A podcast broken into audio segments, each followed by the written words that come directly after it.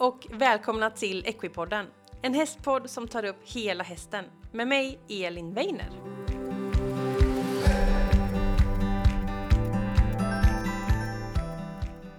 Hej alla fantastiska Equipodden-vänner och välkomna till veckans avsnitt av podden. Nu är det verkligen sommar i luften. Eh, solen skiner, det börjar bli varmt och härligt. Flugorna kommer, sommarbetet närmar sig och det är ju en väldigt härlig årstid. Men jag tänker att jag ska säga redan nu att podden kommer som vanligt ha en liten paus för sommaren. Jag behöver ladda batterierna och eh, hinna ja, planera. Men jag är tillbaka i höst igen så i augusti kommer det komma nya avsnitt av Equipodden. Och eh, jag har redan bokat in några gäster och eh, det är riktigt, riktigt spännande. Så att eh, hoppas du hänger med mig till hösten. Men det är ju lite kvar nu på vårterminen innan vi säger att det är sommar och dagens avsnitt har vi två av våra absolut bästa hovslagare i Sverige. För Rosmarie Clark är tillbaka i Equipodden och hon har också med sig Rebecca Gigold. Och Rosmarie, det kan man höra på avsnitt 108. Då pratar hon om fölens hovar och fölkorrigering. Och i det här avsnittet så tar hon med sig då Rebecka som är eh, utbildad hovslagare på Flyinge. Alltså två av våra absolut bästa. Och det roliga här det är att eh, de kommer lite från två generationer. Så i det här avsnittet så pratar vi om hovslageri, vi pratar om utveckling och vi pratar om så mycket spännande saker. Och det är så roligt att höra de här två prata tillsammans så att äh, det, är, det skapas magi. Jag ska inte avslöja för mycket utan ni får lyssna själva. Så här kör vi igång veckans avsnitt av Equipodden. Så då vill jag hälsa välkommen Rosmarie Clark tillbaka till Equipodden. Och med oss har vi också Rebecca Gigold. Hej! Hej! Och vi sitter i Åby, Göteborg och ska göra en podd om hovslageri. Och eh, jag tänker att ni kan få börja med att berätta vilka ni är. Och, och eh, Rosmarie, det känner vi lite granna. Du var med i avsnitt 108 av Equipodden. Men om, du får bara, om man inte har hört talas om dig, kan du berätta lite om vem du är? Ja, jag är Rosmarie Clark och jag eh, gick på Hovslögarskolan i mitten på 70-talet. Och den låg då på Gamla Veterinärskolan i Stockholm. Och har faktiskt skott hästar sedan dess. Och mitt hästintresse började när jag var tio år. Ja. Och eh, bestämde mig för att jag vill jobba med hästar. Ah, och det här är det absolut bästa jobb man kan ha, tycker jag. Ja. Och du är ju, det avsnittet vi gjorde, då pratade vi om föl fötter och fölhovar och hur man mm. kan hjälpa fölet. Precis, och då, då kom vi in på det rätt mm. mycket. För det är Precis. det som jag har ägnat mig åt de sista 25 åren. Din specialitet kan ja, man säga. Mitt, min huvudsakliga, eller en av min väldigt stora bit på, med skohästar har faktiskt varit på, eh, som galopphästar, mm. racetrack i Just Stockholm, mm. Täby galopp. Mm. Och sen har jag också i 30 års tid jobbat eh, på hästklinik mm. och tagit hand om eh, hästar som har mått då, haft dåliga fötter eller dålig benställning eller mm. halta eller någonting sånt mm. vilket har varit helt fantastiskt. Mm. Så det är i stora drag ja. det som jag har gjort. Lång och gedigen erfarenhet. ja. Och eh, då har vi också med Rebecka. Hej! Hej hej! Vill du presentera dig? Ja, det kan jag göra. Mitt namn är Rebecka Gigold. Eh, jag är född i Stockholm.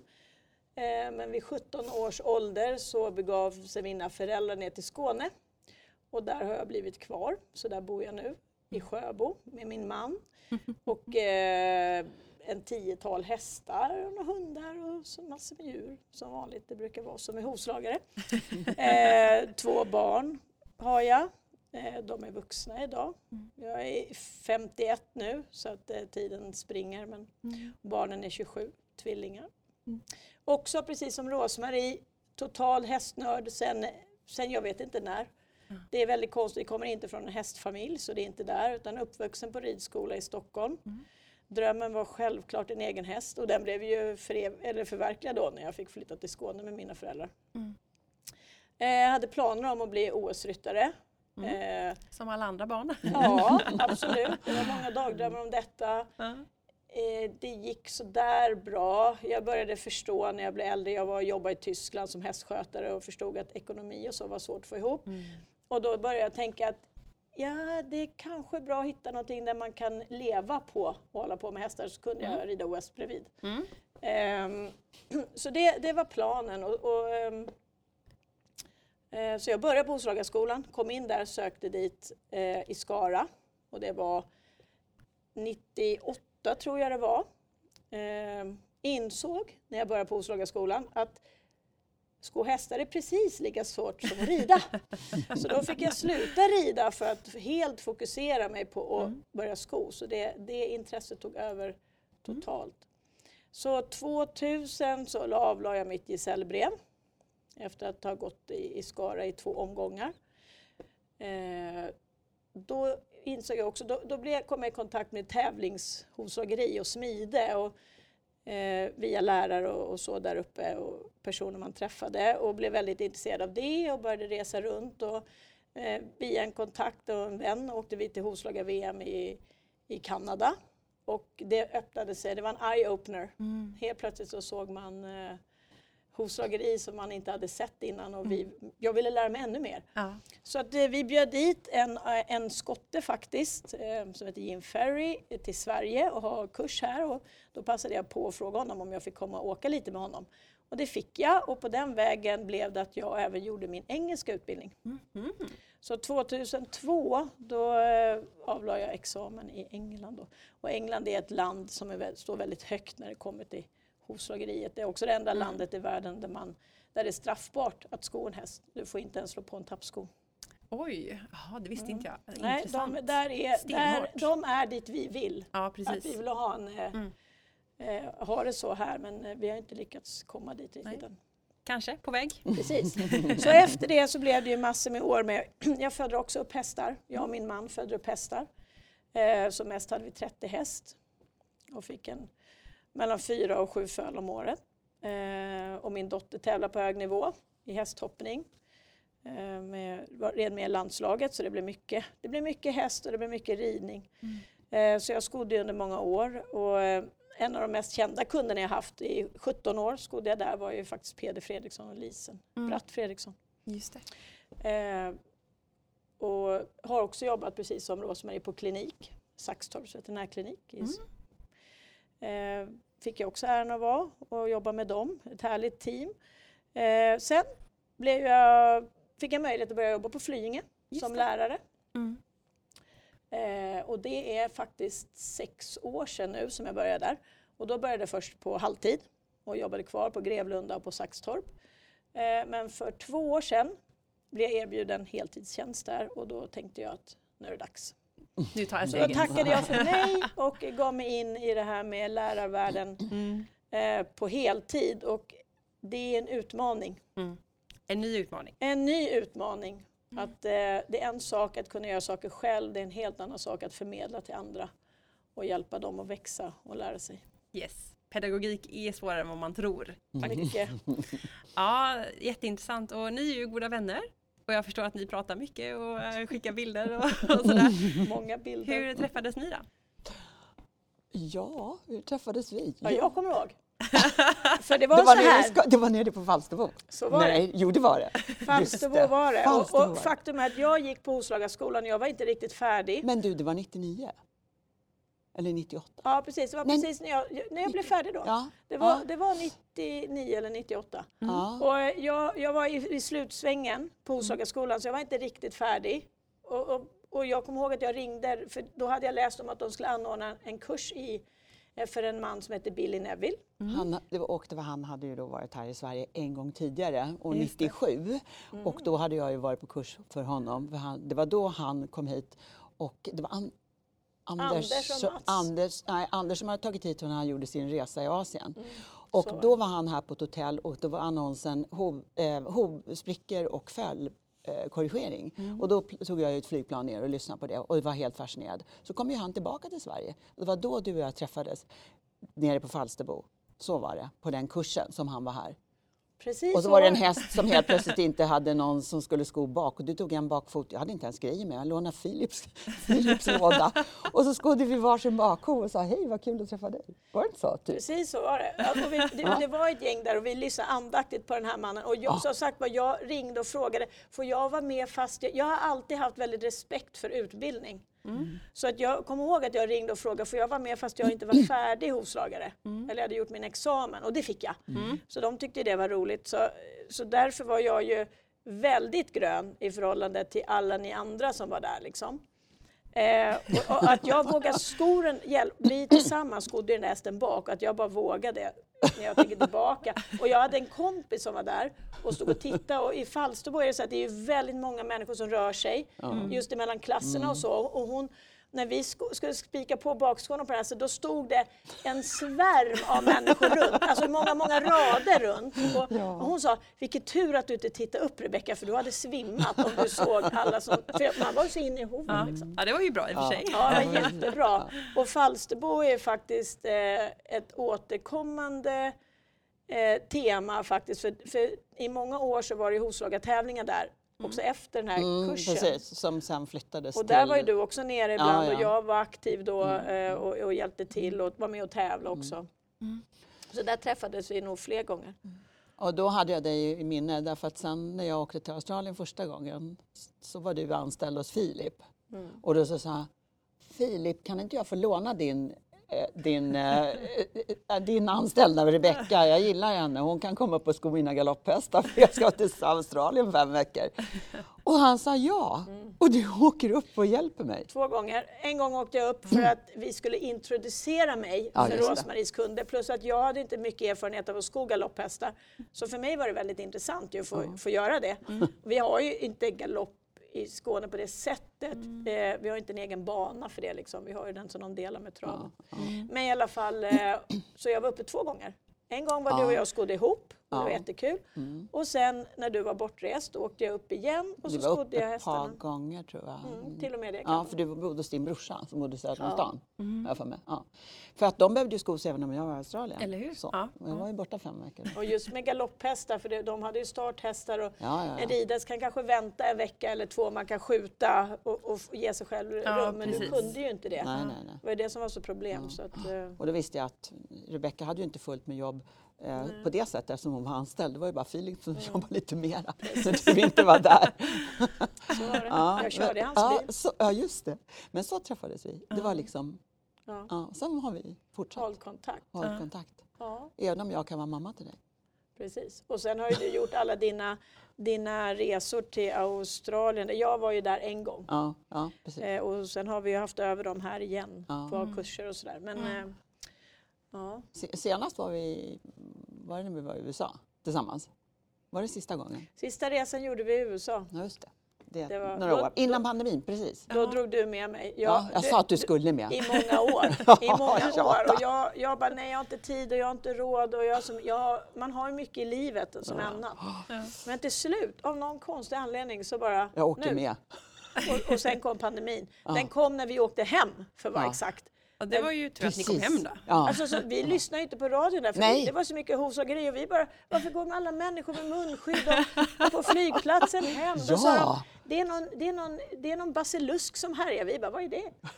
Vi hade inte en susning. Och sen brakade det ju lös. För jag skulle tillbaka till USA tio dagar senare och jag kom inte iväg. Det blev inställt. Oj, oj, oj. Ja, då var det verkligen Alltså vi hade verkligen tur. i början där. Men vi hade så roligt. Ja, det var Ja, det var helt fantastiskt. 2000 hovslagare tror jag var där. Åh, vad på samma plats. Ja. Då blir det nörderi. Mm, det blir det i fem dagar. Ja, vad häftigt. jag, jag, jag kanske kan jag passa på att göra lite smygreklam då. Ja, det kan du få göra. Eh, för att eh, den här eh, resan då som vi gjorde till eh, Cincinnati. Cincinnati Hoof Summit, Mm. eh, Hoof Care Summit. Heter det till och med, eh, var väldigt inspirerande. Och eh, vi på Flyinge har ju Flyinge är en fantastisk anläggning för det finns så mycket, vi har så fina faciliteter med många ridhus, mycket hästar, mycket lokaler eh, och sådär. Och eh, faktiskt en kollega till mig eh, kom med den briljanta idén att vi borde göra en sån här summit i Sverige eller ha någon sån här. Så nu har vi dragit igång. Så i år till hösten så kommer det vara en stor tillställning. Bland annat kommer Rosmarie komma dit och ha föreläsning. Och inte bara hon, utan människor från hela världen. Och vi pratar om eh, veterinärer, hovslagare, uppfödare, ryttare. Jens Fredriksson till exempel eh, kommer att ha föreläsning. Hästmassör.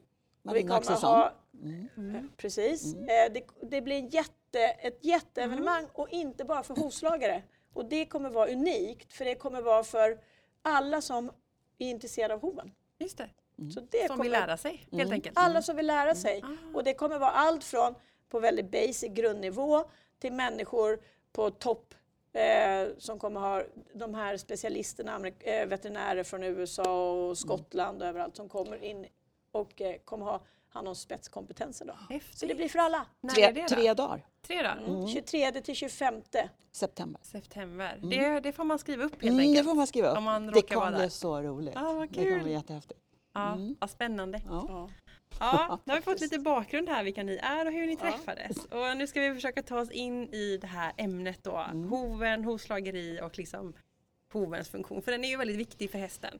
Och Mm. alla som har häst måste ju på något sätt ha en relation till en hovslagare. Också ganska ofta. Man får ju ändå, det är inte som man kanske åker till veterinären en gång per år eller så. Hovslagaren måste ju ändå komma ganska ofta. Och hoven är så viktig för prestationen. Jag tänker att vi kanske kan börja med att fundera på, eller ni får berätta om hur viktig hoven egentligen är och vad den har för betydelse för resten av hästen. Oj. Jag, jag kan börja lite och, och då får du fylla i Rosmarie. Det är, Okej. ju, det är ju så här att en häst ska man inte glömma bort vad den har för ursprung. Det är ett flyktdjur. Så den absolut viktigaste saken den behöver ju kunna göra är ju att springa iväg från något fort. Eller hur? Mm.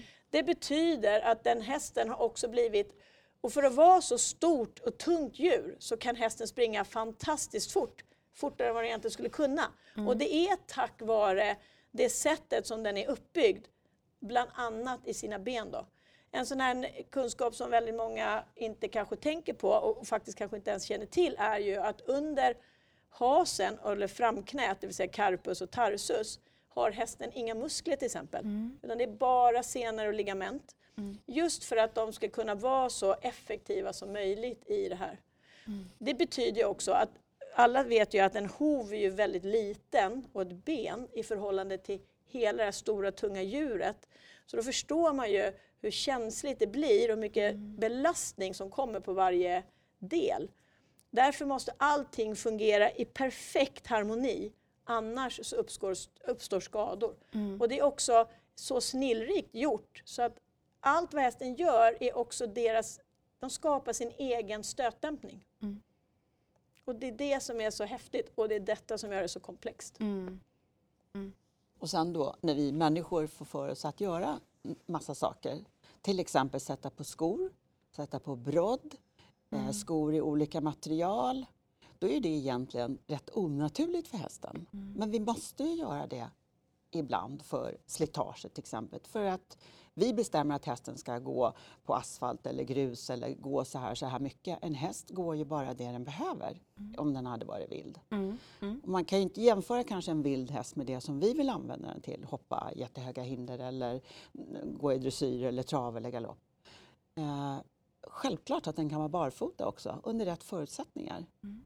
Mm. Så vi måste, det har kommit in väldigt mycket det här med barfota nu. Ja. Och vi, vi har haft den historien också för länge sedan att man plockar av skor och så och man använder boots och man börjar hitta nya sätt att se det här på. Och det vi gör också när vi sätter på traditionellt då en vanlig järnsko så förhindrar vi massa rörelser i hoven som den behöver för att den inte ska skada sig kanske längre upp i kroppen eller benet. Och så. Vi sätter ju stötdämpningen ur funktion. Ja, Mm. precis. Och Just det. det. ja, och, det, och det är så viktigt att eh, komma ihåg att tänka, va, va, jag brukar alltid säga till mina elever som jag har, du måste först tänka på varför ska du sko hästen och vad gör du när du skor hästen? Mm. Och bara stoppa ner en söm i ett sömhål genom hoven, då har du ju flyttat runt lite saker för att den där sömmen ska få plats. Mm. Det. Det är en sak. Och sen har du ändrat förutsättningarna för hästen när den sätter ner foten, när den glider, när den tar upp och underlaget och name it. Det blir en tyngd på den som den inte har från början. Och det här är ju någonting man måste hela tiden ta hänsyn till och avväga också vad är det jag håller på med. Mm. B- Bara när vi börjar att använda våra hästar. En häst av naturen har ju en viktfördelning som är 60% på framdelen och 40 bak. Eh, när vi sätter oss på hästen som ryttare, inte bara skorna påverkar, utan bara att vi får för oss att sätta oss på dem, eller sätta på en vagn, ändrar ju alla de här förutsättningarna. Och det får vi, man inte glömma bort helt enkelt. Men det är också så att det finns två skäl till varför vi en gång i tiden för många, för, för, jag ska inte säga för hur många hundra år sedan det är, för jag vet faktiskt inte exakt. Men det är väldigt länge vi har skott hästar. Och eh, det var ju två skäl varför vi gjorde det. Och det ena var slitage och det andra var grepp. Ja, just det. Sen har vi ju också en sjukbeslag där man kan hjälpa hästen med olika sjukdomar. Men, men från början är det de två, och det ska man aldrig glömma bort, att det är de två anledningarna till varför vi sätter på skor Just på det. hästar idag. Och vi använder hästen ganska annorlunda idag mot säg 200 år sedan om vi kanske började sko då. Och då skulle jag vilja inflika en sak. Jag, eh, Det är vi, det, ja, det är så här att eh, vi har ehm, eh, en avel. Mm. Vi avlar, vi människor, hästarna har inte betäckt sig själva, utan vi människor bestämmer, åh den där hoppar jättehögt så vi använder den hingsten till alla de här Mhm. stona. Mm. Eh, den där springer jättefort, så använder vi den för att de ska springa fortare. Men det vi kanske inte har tagit hänsyn till är hur fötter ser ut egentligen. Mm. Och ingen, det är klart, självklart att eh, en häst med krokiga ben kan springa fort. Men eh, man måste också tänka på, ska det här verkligen hålla? Inte lika länge. Nej, inte lika Mm. länge. Och då har vi människor lagt oss i. Så om vi skulle ta alla de här hästarna och släppa ut dem nu så skulle inte alla klara sig. Nej. Därför är det vilda om det är så att säga vildhästar, sådana som alltid lever ute och betäcker sig precis som de själva vill. Då finns det ju de som går, stupar och går under och blir djurmat till något annat djur. Ja, precis. Och då överlever de här med bästa fötterna, för det är ju väldigt viktigt Precis. att de har bra fötter. Mm. Men vi människor har räddat dem. Och det är precis det som jag också tyvärr har hållit på med, Mm. om man ska säga, och du också i viss grad. Att vi räddar fölungar Mm. som är, är krokiga och dåliga. Och så blev den jätte, jättebra. Mm. Men eh, samtidigt har vi egentligen gjort naturen en, en nackdel. Att Vi Precis. har liksom räddat någonting som inte hade överlevt ute. Mm. Bara för att.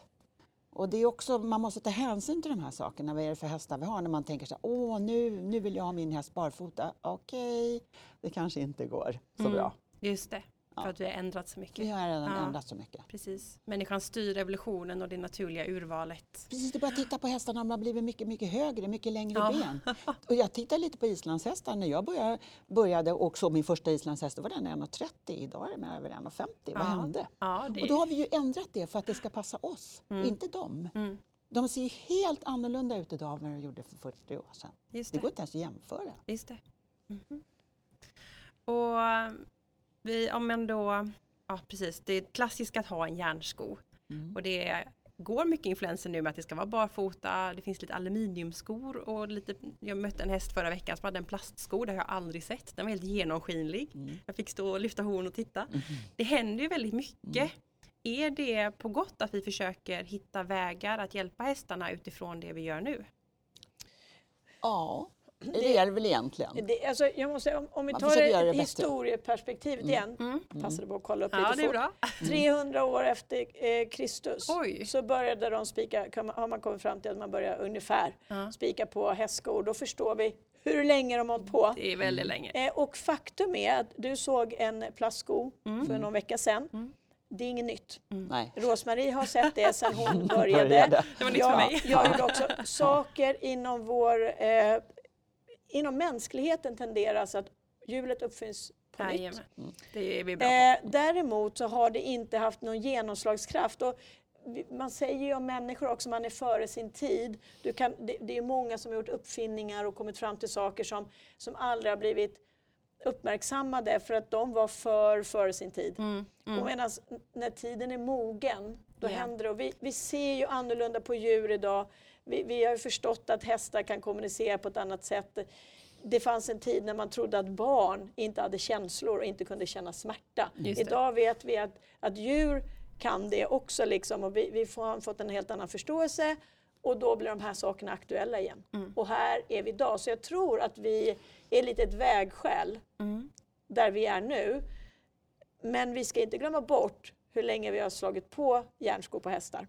Och vi vet länge. att det egentligen är då ett vinnande koncept egentligen. Precis. Därför har det alltid Det funkat. funkar ja. Vi får leta hela tiden saker för att få det att funka bättre. Men vi får inte heller glömma, bara på de här tiden, de här 25 åren jag hållit på med korrigering av felaktiga benställningar, så har fel, eh, benställningarna faktiskt ändrat sig. Problemen har ändrat sig Sant. väldigt mycket. Det ser inte ut idag som det gjorde för 25 år sedan. Mm.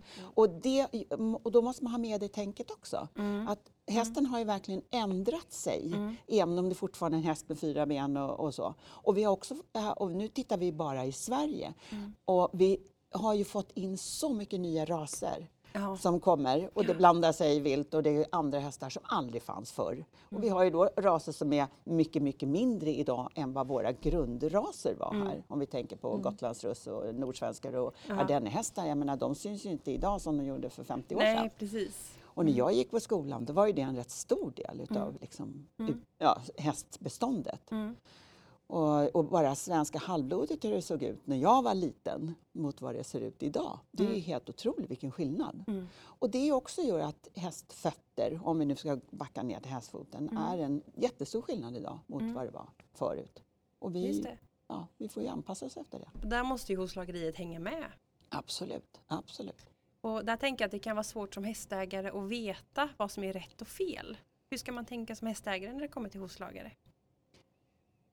Eh, Ja. vi, vi, en sak kan vi vara väldigt överens om, båda Mm. två, tror jag.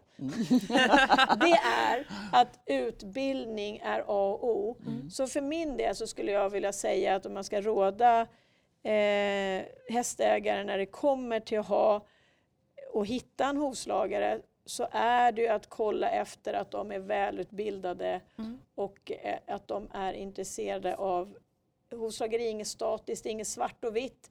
Det är inte, ett plus ett är inte alltid två Mm. i vår värld utan vi måste ta hänsyn till så många parametrar. Så att en, en duktig hovslagare med bra utbildning som har ett öppet sinne Och kan kommunicera god. med kunden. Mm. Det är A och O jätte, idag. jätteviktigt att man faktiskt som hovslagare och kund kan kommunicera. När du började Mm. och när jag var liten, då, när hovslagaren kom in i stallet, då stod ju eventuella hästägare som vågade vara kvar Mm. och, och dallar, darrade rätt i benen eller i knäna. Och, Mm. och liksom, du, du sa inte emot en hovslagare förr. Liksom. Och, och var hästen halt en vecka innan eh, efter skoning varje gång så, så var den. Då var- anpassar man sig efter Ja. det. Liksom. Mm. Den tiden är förbi. Ja. Det funkar inte så idag. Liksom, utan Mm. Det går inte att vara hovslagare om du inte kan kommunicera med kunderna. Mm. Och veterinärer. Mm. Verkligen. Precis, absolut. Det var ju på ett annat sätt Mm. faktiskt. Alltså skorna skulle sitta kvar, hästen skulle då naturligtvis inte bli halt och så skulle du kunna ta, du skulle ta så mycket som möjligt så att du inte behövde sko så ofta. Ja. Ekonomi, Ek- verkligen. Ja, så var Ja. det. Och det, det, det var också, men vi måste också komma ihåg att hästarna såg annorlunda ut förr Mm. än vad de gör idag. Det är väldigt stor skillnad Mm. också. Idag vi är ju mer extrema för nu hoppar de ju högre och springer fortare och hela den biten. Mm. Vilket har gjort att det- hästen är ju också ännu mer känslig idag. Ja. Jag menar, och på min tid när jag var liten, då var de ju närsnittade hälften av hästarna i alla fall. Mm. Så de kände ju ingenting ändå. Sen har ju tiderna Inte hälften, det var väl överdrivet. Men, Ja. men det, liksom, det hände ju rätt ofta. Förstår. Ja. Så att det var ju... ja. Om jag tittar på min älsklingsgren då, hoppning, så är det ju så att när jag var ung och du hade en häst som hoppade en och tre, på, Förr i tiden tränade man upp hästar till att hoppa högre hinder, om Mm. ni förstår vad jag menar. Och hade du en häst som hoppade 1,30, eh, det var stort liksom. Mm. Det var inte för vem som helst att göra det. Men om du tittar på vad aveln har gått idag så kan du mer eller mindre sitta bak och på vissa hästar sitter du nästan till bak och fram och, och in och ut och de kommer hoppa över de där 1,30 hindren. Sen, sen kommer det ta stopp också eftersom teknik och sånt kommer med. Men hästarna är mycket i större grad naturhoppare. Än Vad Just man det. ska kalla. Eller naturtravare eller vad vi nu använder för olika. Islandshästarna är samma sak, de är framavlade för att göra det själva mycket mer. Liksom. Ja. Eh, och det gör ju också att, eh, lite som du sa, att hästarna gör ju svårare saker fast ryttarna inte blivit bättre. Mm. Också viktigt att tänka på. Mm. Mm. Och det medför ett mycket större utmaning för oss hovslagare. Mm. Därför att du vill gärna ha en häst på pappret som kan hoppa kanske till och med upp till 1,60 eller Mm. någon förfäder har gjort det. Det är jättebra. Men själv kanske man inte klarar av Hänger det. Vi med i precis. utvecklingen liksom? Precis. Precis. Vi är inte lika hårt avlade vi Nej. människor. Nej, det är vi inte. Tänk om det hade varit så. Ja. Det hade varit helt Det har jag tänkt på många gånger. Ja, du, nu får vi inte börja dra i de trådarna också, absolut inte. Men jag tänker en annan, från, inte alls från början, jag var en ridskoletjej från början, men jag hamnade i travet. Och det här var på slutet på 60-talet. Och jag jobbade med travet, jag hade till och med körlicens på ponnytrav. Kul. Och åkte runt och körde lite ponnytrav. Det var väldigt roligt. Men de stora travhästarna som jag då ändå trä, var med och tränade var faktiskt så jag började sko faktiskt. Och det var att eh, då skodde de och så skruvade man på tyngder för de skulle vara så tunga som möjligt för att de skulle trava. För det var inte supernaturtravare som det är idag. Nej. Idag så travar de ju barfota. Du ska inte ens komma på tanken att galoppera om det inte är utav någon speciell anledning. Men då var det ju inte så. Man satte på tyngder, skruvade på tunga skor, långa tår så in i Norden för att de inte skulle kunna galoppera. Det var så man skodde dem. Och så bara på, i min livstid har Mm. det, eh, aveln ändrats så himla mycket. Och det har blivit egentligen en ny ras nästan kan man Ja, säga. just det. Det är helt fantastiskt. Alltså. Jättestor skillnad. Ja, det är sån skillnad. Och tittar man på de här höga nivåerna så är det så otroligt små marginaler. Ja. Eh, för det skor man lite granna på det sättet Mm. eller har den skon eller den utrustningen, sadeln sitter lite så, ryttaren gör lite så, så är det verkligen ja men hoppning då om bommen faller inte eller de här Mm. hundradelarna i trav eller till galoppen. Så det är så små marginaler. Mm, precis. Och där spelar ju såklart hovarna jättestor roll både i träning och i tävling. Mm. Jag brukar alltid säga det att vårt jobb som hovslagare det är att vi ska göra hästen nollställd. Det vill säga att vi ska se till att vi ska påverka hästen så lite som möjligt egentligen med vår skoning. För att om vi gör det på ett bra sätt så att hästen får hålla sig fräsch och, och, och sund i kroppen, då kan nämligen ryttaren göra sitt. Mm. Då är hästen träningsbar. Mm. Så det vi ska egentligen göra det är att göra så lite som möjligt med en häst. Och det är svårt. Eftersom vi påverkar dem. Ja. Bara- bara och, och där kommer det också in, eh, innan man skor hästen ska man tänka ut varför gör jag det här? Varför skor jag hästen? Mm. Jag ska göra så lite som möjligt. Jag ska bara göra det jag behöver, Mm. inte något annat. Det kan förväxlas med att, att då bara tar jag en sko och slår på den. Mm. Det är inte samma sak. Det kan, det, kan, det kan man tro, för när man säger så som vi sa Mm. nu så kan det låta lätt. Mm. Men precis som alla vet, det lätta är det svåra. Det som de säger är det svåraste du kan göra det är att rida på en perfekt rund volt tio gånger. Det är få som lyckas med det. Liksom. Och det är samma sak med hovslageriet. Det låter lätt, det är svårt. Och det, jag tänker också, eller jag känner själv så här om man har häst att jag har alltid satt på en sko. Jag har aldrig ifrågasatt det. Nej, nej. Och jag har aldrig krävt av hovslagaren att göra det. Men där, där har vi en ny, eh, på tal om saker som ändrar sig, för där har det blivit lite annorlunda för oss som hovslagare. För att det har också blivit så att eh, eh, eh, oljan och silverkanterna och de välpolerade hovarna har ju trätt in i vår värld. Ja. Vårt, vårt yrke är väldigt okulärt. Ja. Alla kan se en hov. Ja.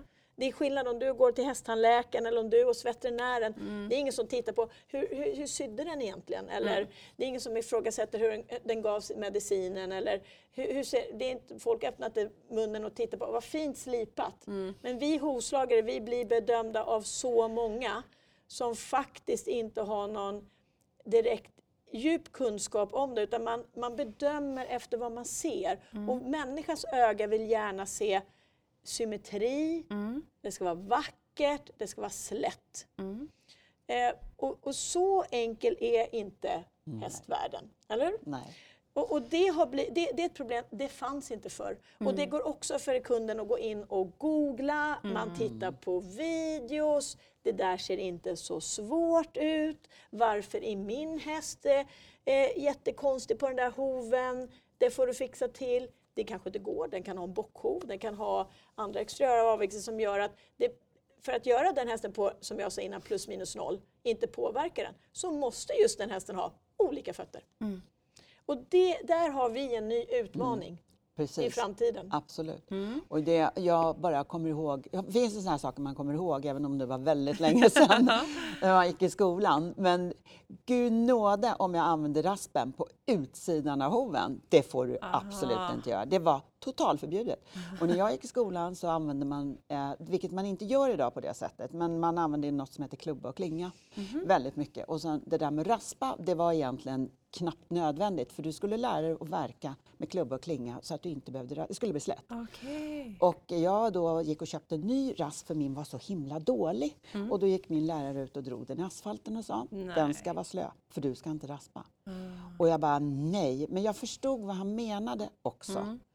Och idag ser det inte likadant ut. Mm. För då blev det ju inte den här supersläta finishen och det. Men det var inte det som var fokus då. Mm. Idag är det väldigt mycket det, precis som Rebecka säger, det ska vara slätt, Mm. det ska vara fint, det ska vara vackert, det ska vara polerat, det ska vara så mycket Glansigt. glansigt. Men för hästen, har det någon betydelse? Nej. Nej, det är för människorna och för kunden. Ja. Så man måste faktiskt tänka lite där också. Och ibland kan det faktiskt vara så. Gud vilken snygg skoning! Mm. Kommer in på en klinik, hästen är halt och så säger man Gud vad Precis. snygg den var om fötterna. Det var kanske där. Det var kanske det som var ja, problemet. precis. Så att mm, skenet kan bedra. Är Med, med det sant. sagt så är det ju så att jag, vi, vi gillar ju att, det, att man gör ett, ett gediget Vackert. jobb. Ja. Eh, och, och för mig, jag brukar jämföra, jag säger till eleverna att det är lite som att mocka stallet utan att sopa stallgången. Ja. Det, det är inte så att, att det är att hästen dör eh, om man Nej. inte gör det. Men självklart, för jag har yrkesstolthet och jag vill Mm. lämna ett fint jobb efter mig som jag kan stå för. Och så. så därför gör, gör vi då finish, som vi kallar det i vårt språk. Eh, det kommer in där, mer på yrkesstoltheten än en faktisk kanske betydelse för hästen. Tyvärr är det så att många dömer då skoningar efter den biten istället för att verkligen kolla. Hur många har verkligen lyft upp sin hov och kollat på en balans? Och hur många vet vad de ska kolla efter i ärlighetens namn? Nej, det är ju det som är det Handen svåra då. Hur många kollar att skon och hoven ligger alltså, plant plant, mot varandra? Och faktiskt i, i perioder ska det inte vara plant. Ja. Utan du kan, du kan, en hovslagare kan med flit, om man vill avlasta en del av hoven eller en vägg som har blivit överbelastad, kanske vi, vi lämnar luft där med flit. Så allting handlar om att, att man kan kontrollera sitt arbete. Det får inte bara råka bli så här. Utan när jag gör en sak, då ska det finnas en mening med det. Och då måste jag kunna kontrollera. Och det handlar om millimetrar. Det är det som gör det så svårt. Verkligen. Och där känns det också väldigt svårt att veta vad man ska titta efter. Precis. Och då måste man ju ha en kommunikation med sin hovslagare. Då är vi tillbaka där Ja, igen. precis. Kommunikation, hovslagare, Det är vårt hästägare. älsklingsord. Ja! ja. Det är det verkligen. Så men många gånger vi har sagt Ja, det. vi måste kommunicera. Ja, och fråga varför ser det ut på det sättet och att hovslagaren också förklarar att nu lämnade jag lite där Ja. eller inte där för att mm. och så vidare. Och så ska man kunna förklara det så att hästägaren eller den som ska Förstår. förstå, förstår det också. Just det. Just det. Mm. Jättesvårt. Ehm, men jag tänker vi gör ju mer, vi pratade innan lite om broddar, vi påverkar hästen hela vägen upp. Mm. Eh, vad är liksom det bästa jag som hästägare kan göra för att hjälpa min häst med bra fötter? Se till att du har en skodd eh, när den behövs. Skoperioden är ju jätteviktig. Viktig. Att man, och det, det får man ju eh, göra i samförstånd med sin hovslagare. Den är inte generaliserad så att du kan sko alla hästar var sjunde Nej. vecka. Finns hästar som kanske måste sko var fjärde vecka. Mm. Beroende alldeles på vad de gör Mm. och vad det är för häst. Mm. Till exempel inom galoppen, i alla fall speciellt utomlands, eh, både England och USA och Australien. Där skor man oftast hästarna var fjärde vecka. Mm. Eh, här i Sverige har vi töjt det lite till var femte vecka. Det här med i galoppvärlden. Ja, Mm. I För- galoppvärlden. för att det- därför att hastigheten är så hög. De kanske springer 70 kilometer Ja, i timmen. Och då funkar det inte att de är på vecka kanske 7, 8, eh, alla hästar. Det funkar Och inte. det är samma sak i ridhästvärlden. För när jag började sko, då var åt, alltså, i Sverige får vi lära oss åtta veckor Mm. ungefär så länge en häst kan gå. Och, och det är, följer inga normer i några andra länder. Nej. Utan det är någonting som har hänt i Sverige och jag har funderat mycket på det Mm. där. Och jag tror att vi, om, i historien lär man sig om framtiden. Och om man tittar tillbaka och ser hur det har varit. I Sverige hade vi såklart genom jordbruks, när vi hade jordbruket och häst, det var hästdrivet, så fanns det massor med hästar och massor med smedjor och massor med hovslagare. I och med att de försvann och vi fick eh, bilar och motorfordon, då tappade vi vårt yrke. Det höll på att gå förlorat och det var inte bara i vårt land, det hände samma sak i England och i övriga Europa. Men Sverige har alltid varit ett ganska fattigt land. I England har folk använt hästar som rekreation väldigt länge. I Sverige var hästar på liv och död. Ja. Och det var bara för kungligheter och de riktigt rika. De kunde ha någon häst som de red på. De födde upp hästar. Och militären. Men för övrigt för gemene man så var inte hästar någonting som du hade tillgång till om du inte använde dem och levde på dem. Det betydde ju att när detta hände, då tappade vi mycket av vår kunskap och tradition. Liksom. De här gamla hästkarlarna, vart tog de Ja, vägen? precis. Det är så man ofta tänker, Mm. men vart tog de vägen? Man, man sökte med ljus och lykta efter en gammal hästkar. Jag hade en som jag faktiskt skodde åt, det var en av mina första kunder. Det var helt fantastiskt att få höra alla hans berättelser om deras hästar och de hade ju arbetshästar och den biten. När jag började på Hovslagarskolan, när jag äntligen kom in, för det var inte så lätt, Det var inte så lätt. Nej, och det var för att jag var tjej. Och det gjorde att jag bara när jag äntligen kom, men vad ska jag bli hovslagare för? Det är ett utdöende släkte. Ja. Det ska inte finnas några hästar. Det är kossor. Det, jag menar, det kommer inte att fortsätta. Det, kommer, det finns inte snart. Och så bara vände det. Det var ju precis efter Men det, var ju det som hände då, att då fanns det ju inga hovslagare, Nej. men det fanns hästar. Och vad hände då? Jo, då kan man inte sko hästar på var sjätte vecka. För man var lycklig. Och dessutom är vi, dess, vi är inte crowded i Sverige. Det finns mycket space. Du har långt till hovslagaren. Det var få hovslagare. Vad hände? Vi lärde oss, vår tradition blev att du håller längre mellan skoperioderna. Och så verkar man i bott och, och ekonomiverkar när man väl var dags. Absolut. Precis, Eller hur? Medan ska Så lär man ut dem rätt mycket också, En helt annan tradition och en helt annan tillgång till hovslagare. Mm. Där får man en annan... Så jag måste säga att det är verkligen någonting jag har lärt mig, det här med att man lär sig, om man börjar titta tillbaka och undra sig, varför är det så? Varför Mm. vill man sko hästar i Sverige på, på var åttonde vecka medan om du åker ner på kontinenten så är det inte alls så. Mm. Ja, det är intressant faktiskt och tittar man tillbaka så hittar man svaren oftast. Ja. Och sen så ser man ju också då skador som kommer också med att man kanske har för, för, Dröjer. dr- dröjt för länge. Det är det värsta du kan skolan. göra. Ja. Det är så. Därför det är ju så att när du sätter på en, vi säger då en järnbit på Mm. foten, då kan ju inte hästen nöta sin fot själv. Det finns ju inte bärska. Den kämpar som sjutton att nöta ut de här dojorna som är runda och utslitna i tårna Mm. och på sidorna och alltihopa. Och kämpat i åtta veckor. Så kommer vi hovslagare slå på en ny sko. Stackars Irriterande. häst. Ja, irriterande. Och De hur har många kämpat så gånger har mycket. vi inte hört eh, när hovslagaren säger det kan gå några veckor till, det är bra mycket att verka. Ja, för Ja, han det- ja, Ja. men Ja. inte för hästen. Nej. Idealet, om du får din häst skodd, så ska du, det bästa är om du egentligen inte ser någon skillnad. Då, har du, då har du gjort som bäst. Precis. Då är det så jämnt som möjligt för hästen hela Det är ju tiden. världens skillnad. Ja. Och så förr får du så här, nej men du kan inte rida den på tre, två, tre dagar, för den är nyskodd. Ja, För den var så hårt verkad. Ja, men så var det. Ja, ja. Då Och visste man att det, då var det rätt gjort. ja precis. Och det är lite så när vi skor, så är det ju så att vi vill ju... När vi skor så övergör vi lite, lite, lite, lite. Mm. Så när hästen går en skoperiod så hoppas vi någonstans i mitten är den bra. Då är För att sen få skjuta så inte blir så bra Mm. och sen skos om. Och så gör vi lite mycket. Det gör ju att vi tar bort toppar. Mm. Och, och det är någonting jag också pratar mycket med mina elever om. att Kom ihåg att du kan, du kan vara nöjd här. Det här är inte dåligt. Men du måste vilja lite till. Mm. För att det, det du har gjort nu är en häst som är i mitten av skoperioden. Mm. Du måste ta den lite bortom det. För att du inte ska sluta på att den blir jättelång i fötterna eller vad man nu har. Eh, för issues. Det kan vara höga trakter eller det kan vara en häst som växer det vi kallar mediolateral eh, obalans. Det vill säga att en insida eller en utsida blir högre. Och det hänger ihop med deras benställningar. Och det kan inte en hovslagare trolla bort. Utan det finns hästar som man i hela deras liv alltid får verka på en sida. Mm, absolut, det, så kan det vara. Och För de, de sådana olika. som har understuckna trakter, Och för de hästarna är det förödande. Ja, ja, absolut, det kan bli helt, helt bedrövligt. Och därav mycket skador. Och där återigen, vi måste också tänka på eh, varför skor vi hästen? Mm. Vad händer när jag skor hästen? Det, det är någonting man all, aldrig får glömma. Nej, precis. Vi, och vi gör något på hästen Ja. som inte den kan själv göra någonting åt. Ja.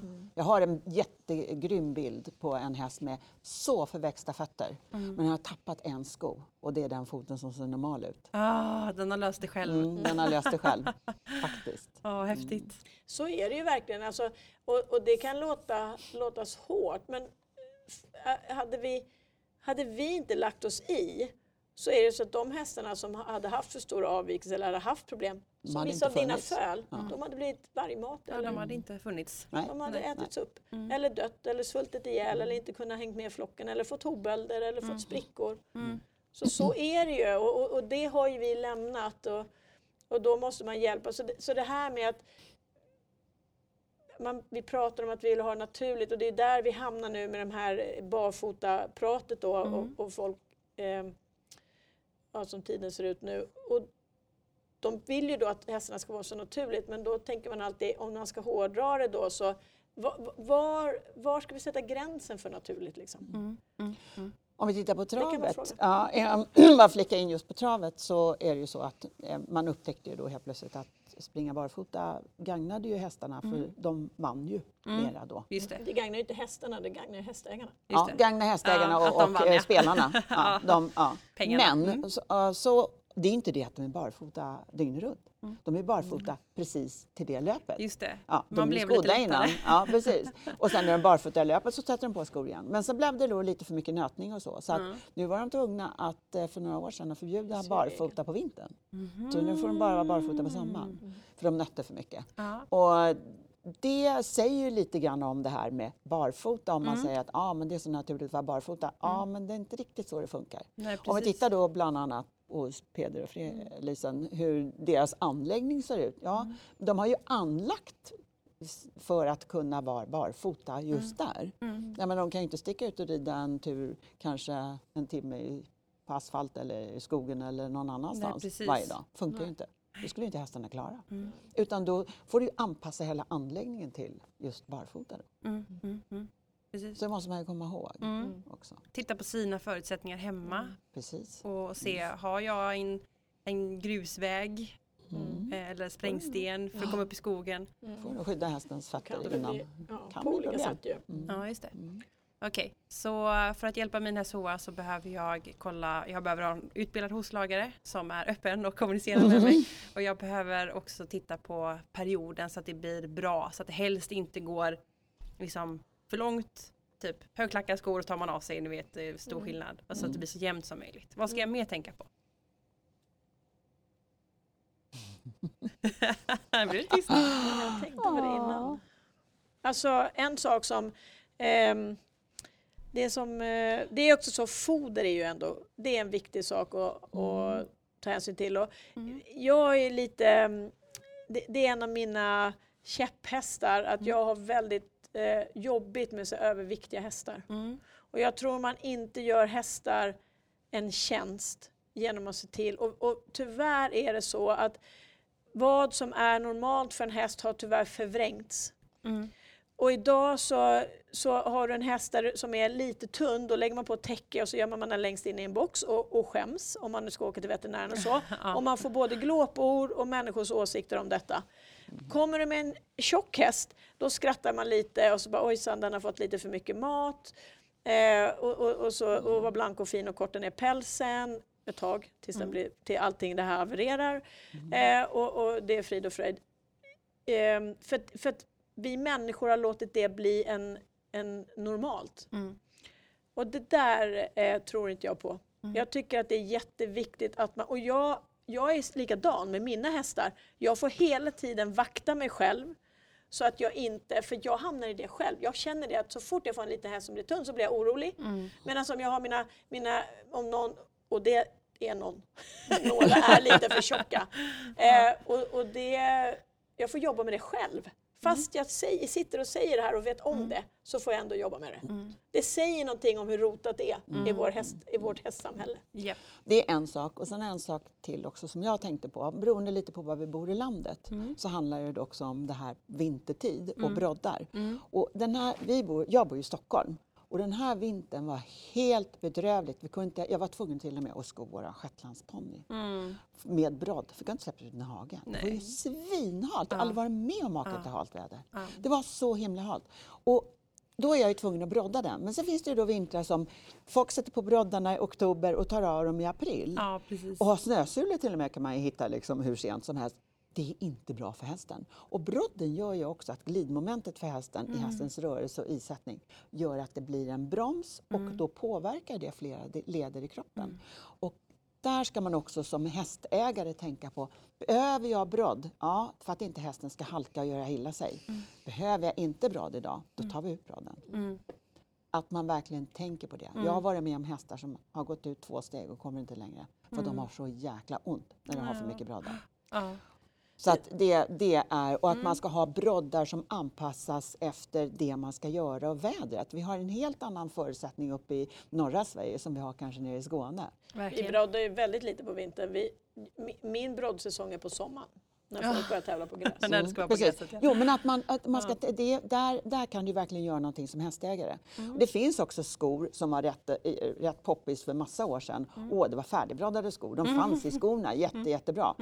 Nej, det var inte jättebra För hästen. för hästen. Men eh, när du pratar om brodd och, och det här med att verkligen hålla koll, då, då kan vi hoppa in på nästa sak som också handlar om det här hur man ska kunna göra. Och det tycker jag är den dagliga tillsynen. Att man verkligen ger, att man fötterna. kollar hovarna, kratsar hovarna, eh, ser till, strålröta är ett, eh, verkligen av ondo för hästarna. Det gör ont. En djup strålröta går in i, i levande vävnad och kötthoven, de, de får ont av det.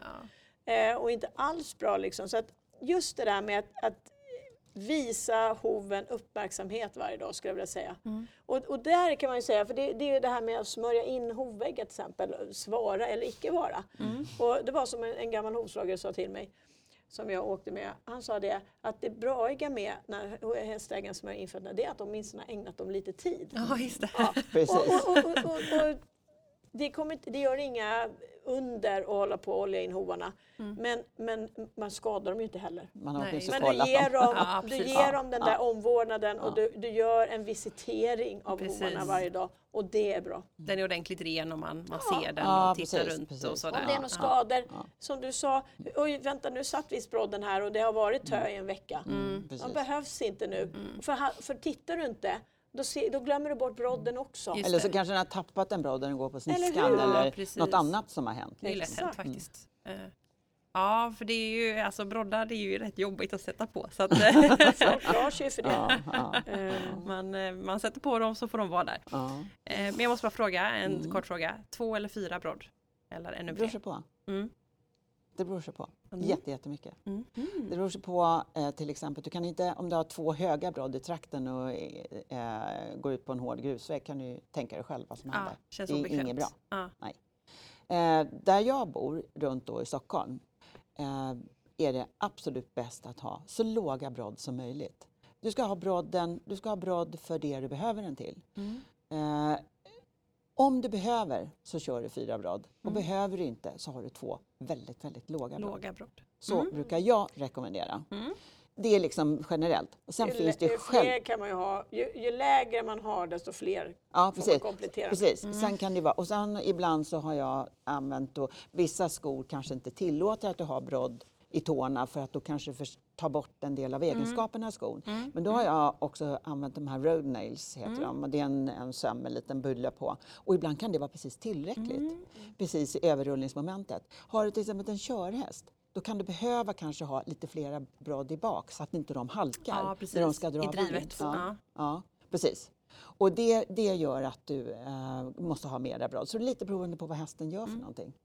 Spännande. Ja, för, för mig är det tvärtom. För jag broddar ju på sommaren då Mm. och då broddar jag ju ofta sporthästar på lite högre nivå. Och där är ju så att där har vi ju antingen två eller fyra fram. Vissa hästar trivs inte alls på att gå på höga gräsbrodd. Mm. Då kan man prova lite lägre, fast fler då Mm. kompletterar man med.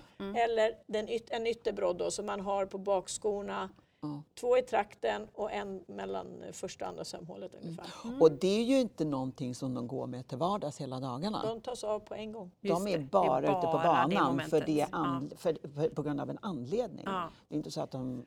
Där måste du Och, verkligen ta av. och, och det är ju för att man ska kunna rida fortare. Just det. Så att eh, när det kommer till broddning så är det ju så att eh, det är ju för att människan det är ju inte för hästens skull egentligen utan det handlar ju mycket mer om att, eh, häst, att, att man ska kunna rida på ett högre tempo. Liksom. Mm.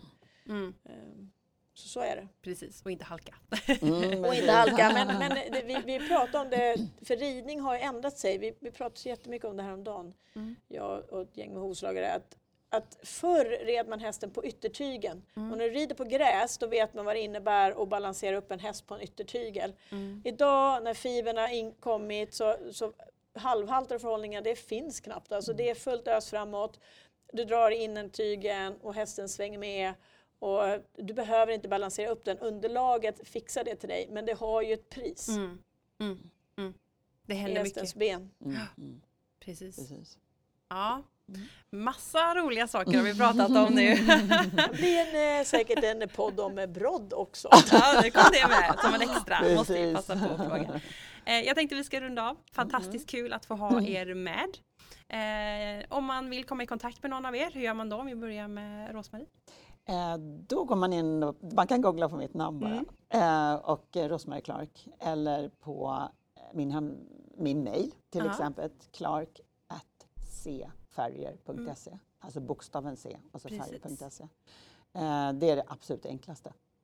Där finns du. Och Rebecka, vart finns du någonstans? Alltså mig hittar man då i Smedjan på Flyinge, på, på Hovslagarskolan på Flyinge. Och faktum är att alla är alltid välkomna in i vår smedja. Har man frågor, vi försöker hjälpa människor eh, med problemhästar och, eh, eh, och som har frågor. Vi hjälper folk att hitta hovslagare när de är nyinflyttade eller de måste byta hovslagare, de har blivit av, någon kan ha blivit sjuk eller så. Mm. Så att eh, vi försöker faktiskt finnas för både för våra elever och för hästägare i, i Skåne.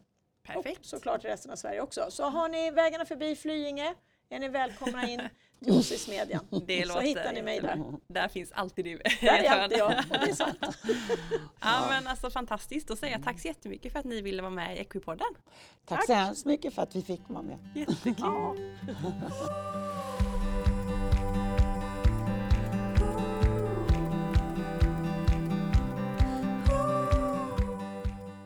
Ja, alltså hur bra var inte det här avsnittet? Eh, jag älskar den här typen av avsnitt.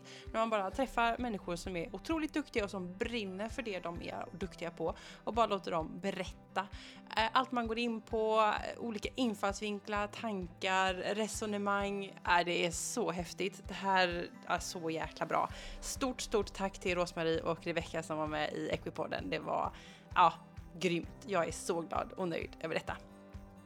Eh, glöm inte att följa Equipodden på sociala medier. Instagram och Facebook är det framförallt som gäller. Sen kan man också mejla till equipodden.gmail.com om man har tankar eller synpunkter eller tips på gäst eller eh, vad som helst.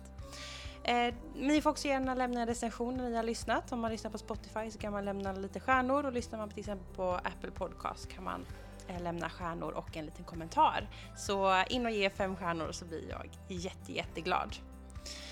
Eh, nästa vecka är tanken att det ska vara dressyrtema. Eh, jag hoppas att allting går i lås eh, och jag tror att det kommer bli väldigt, väldigt uppskattat för det är en intressant gäst kan man säga.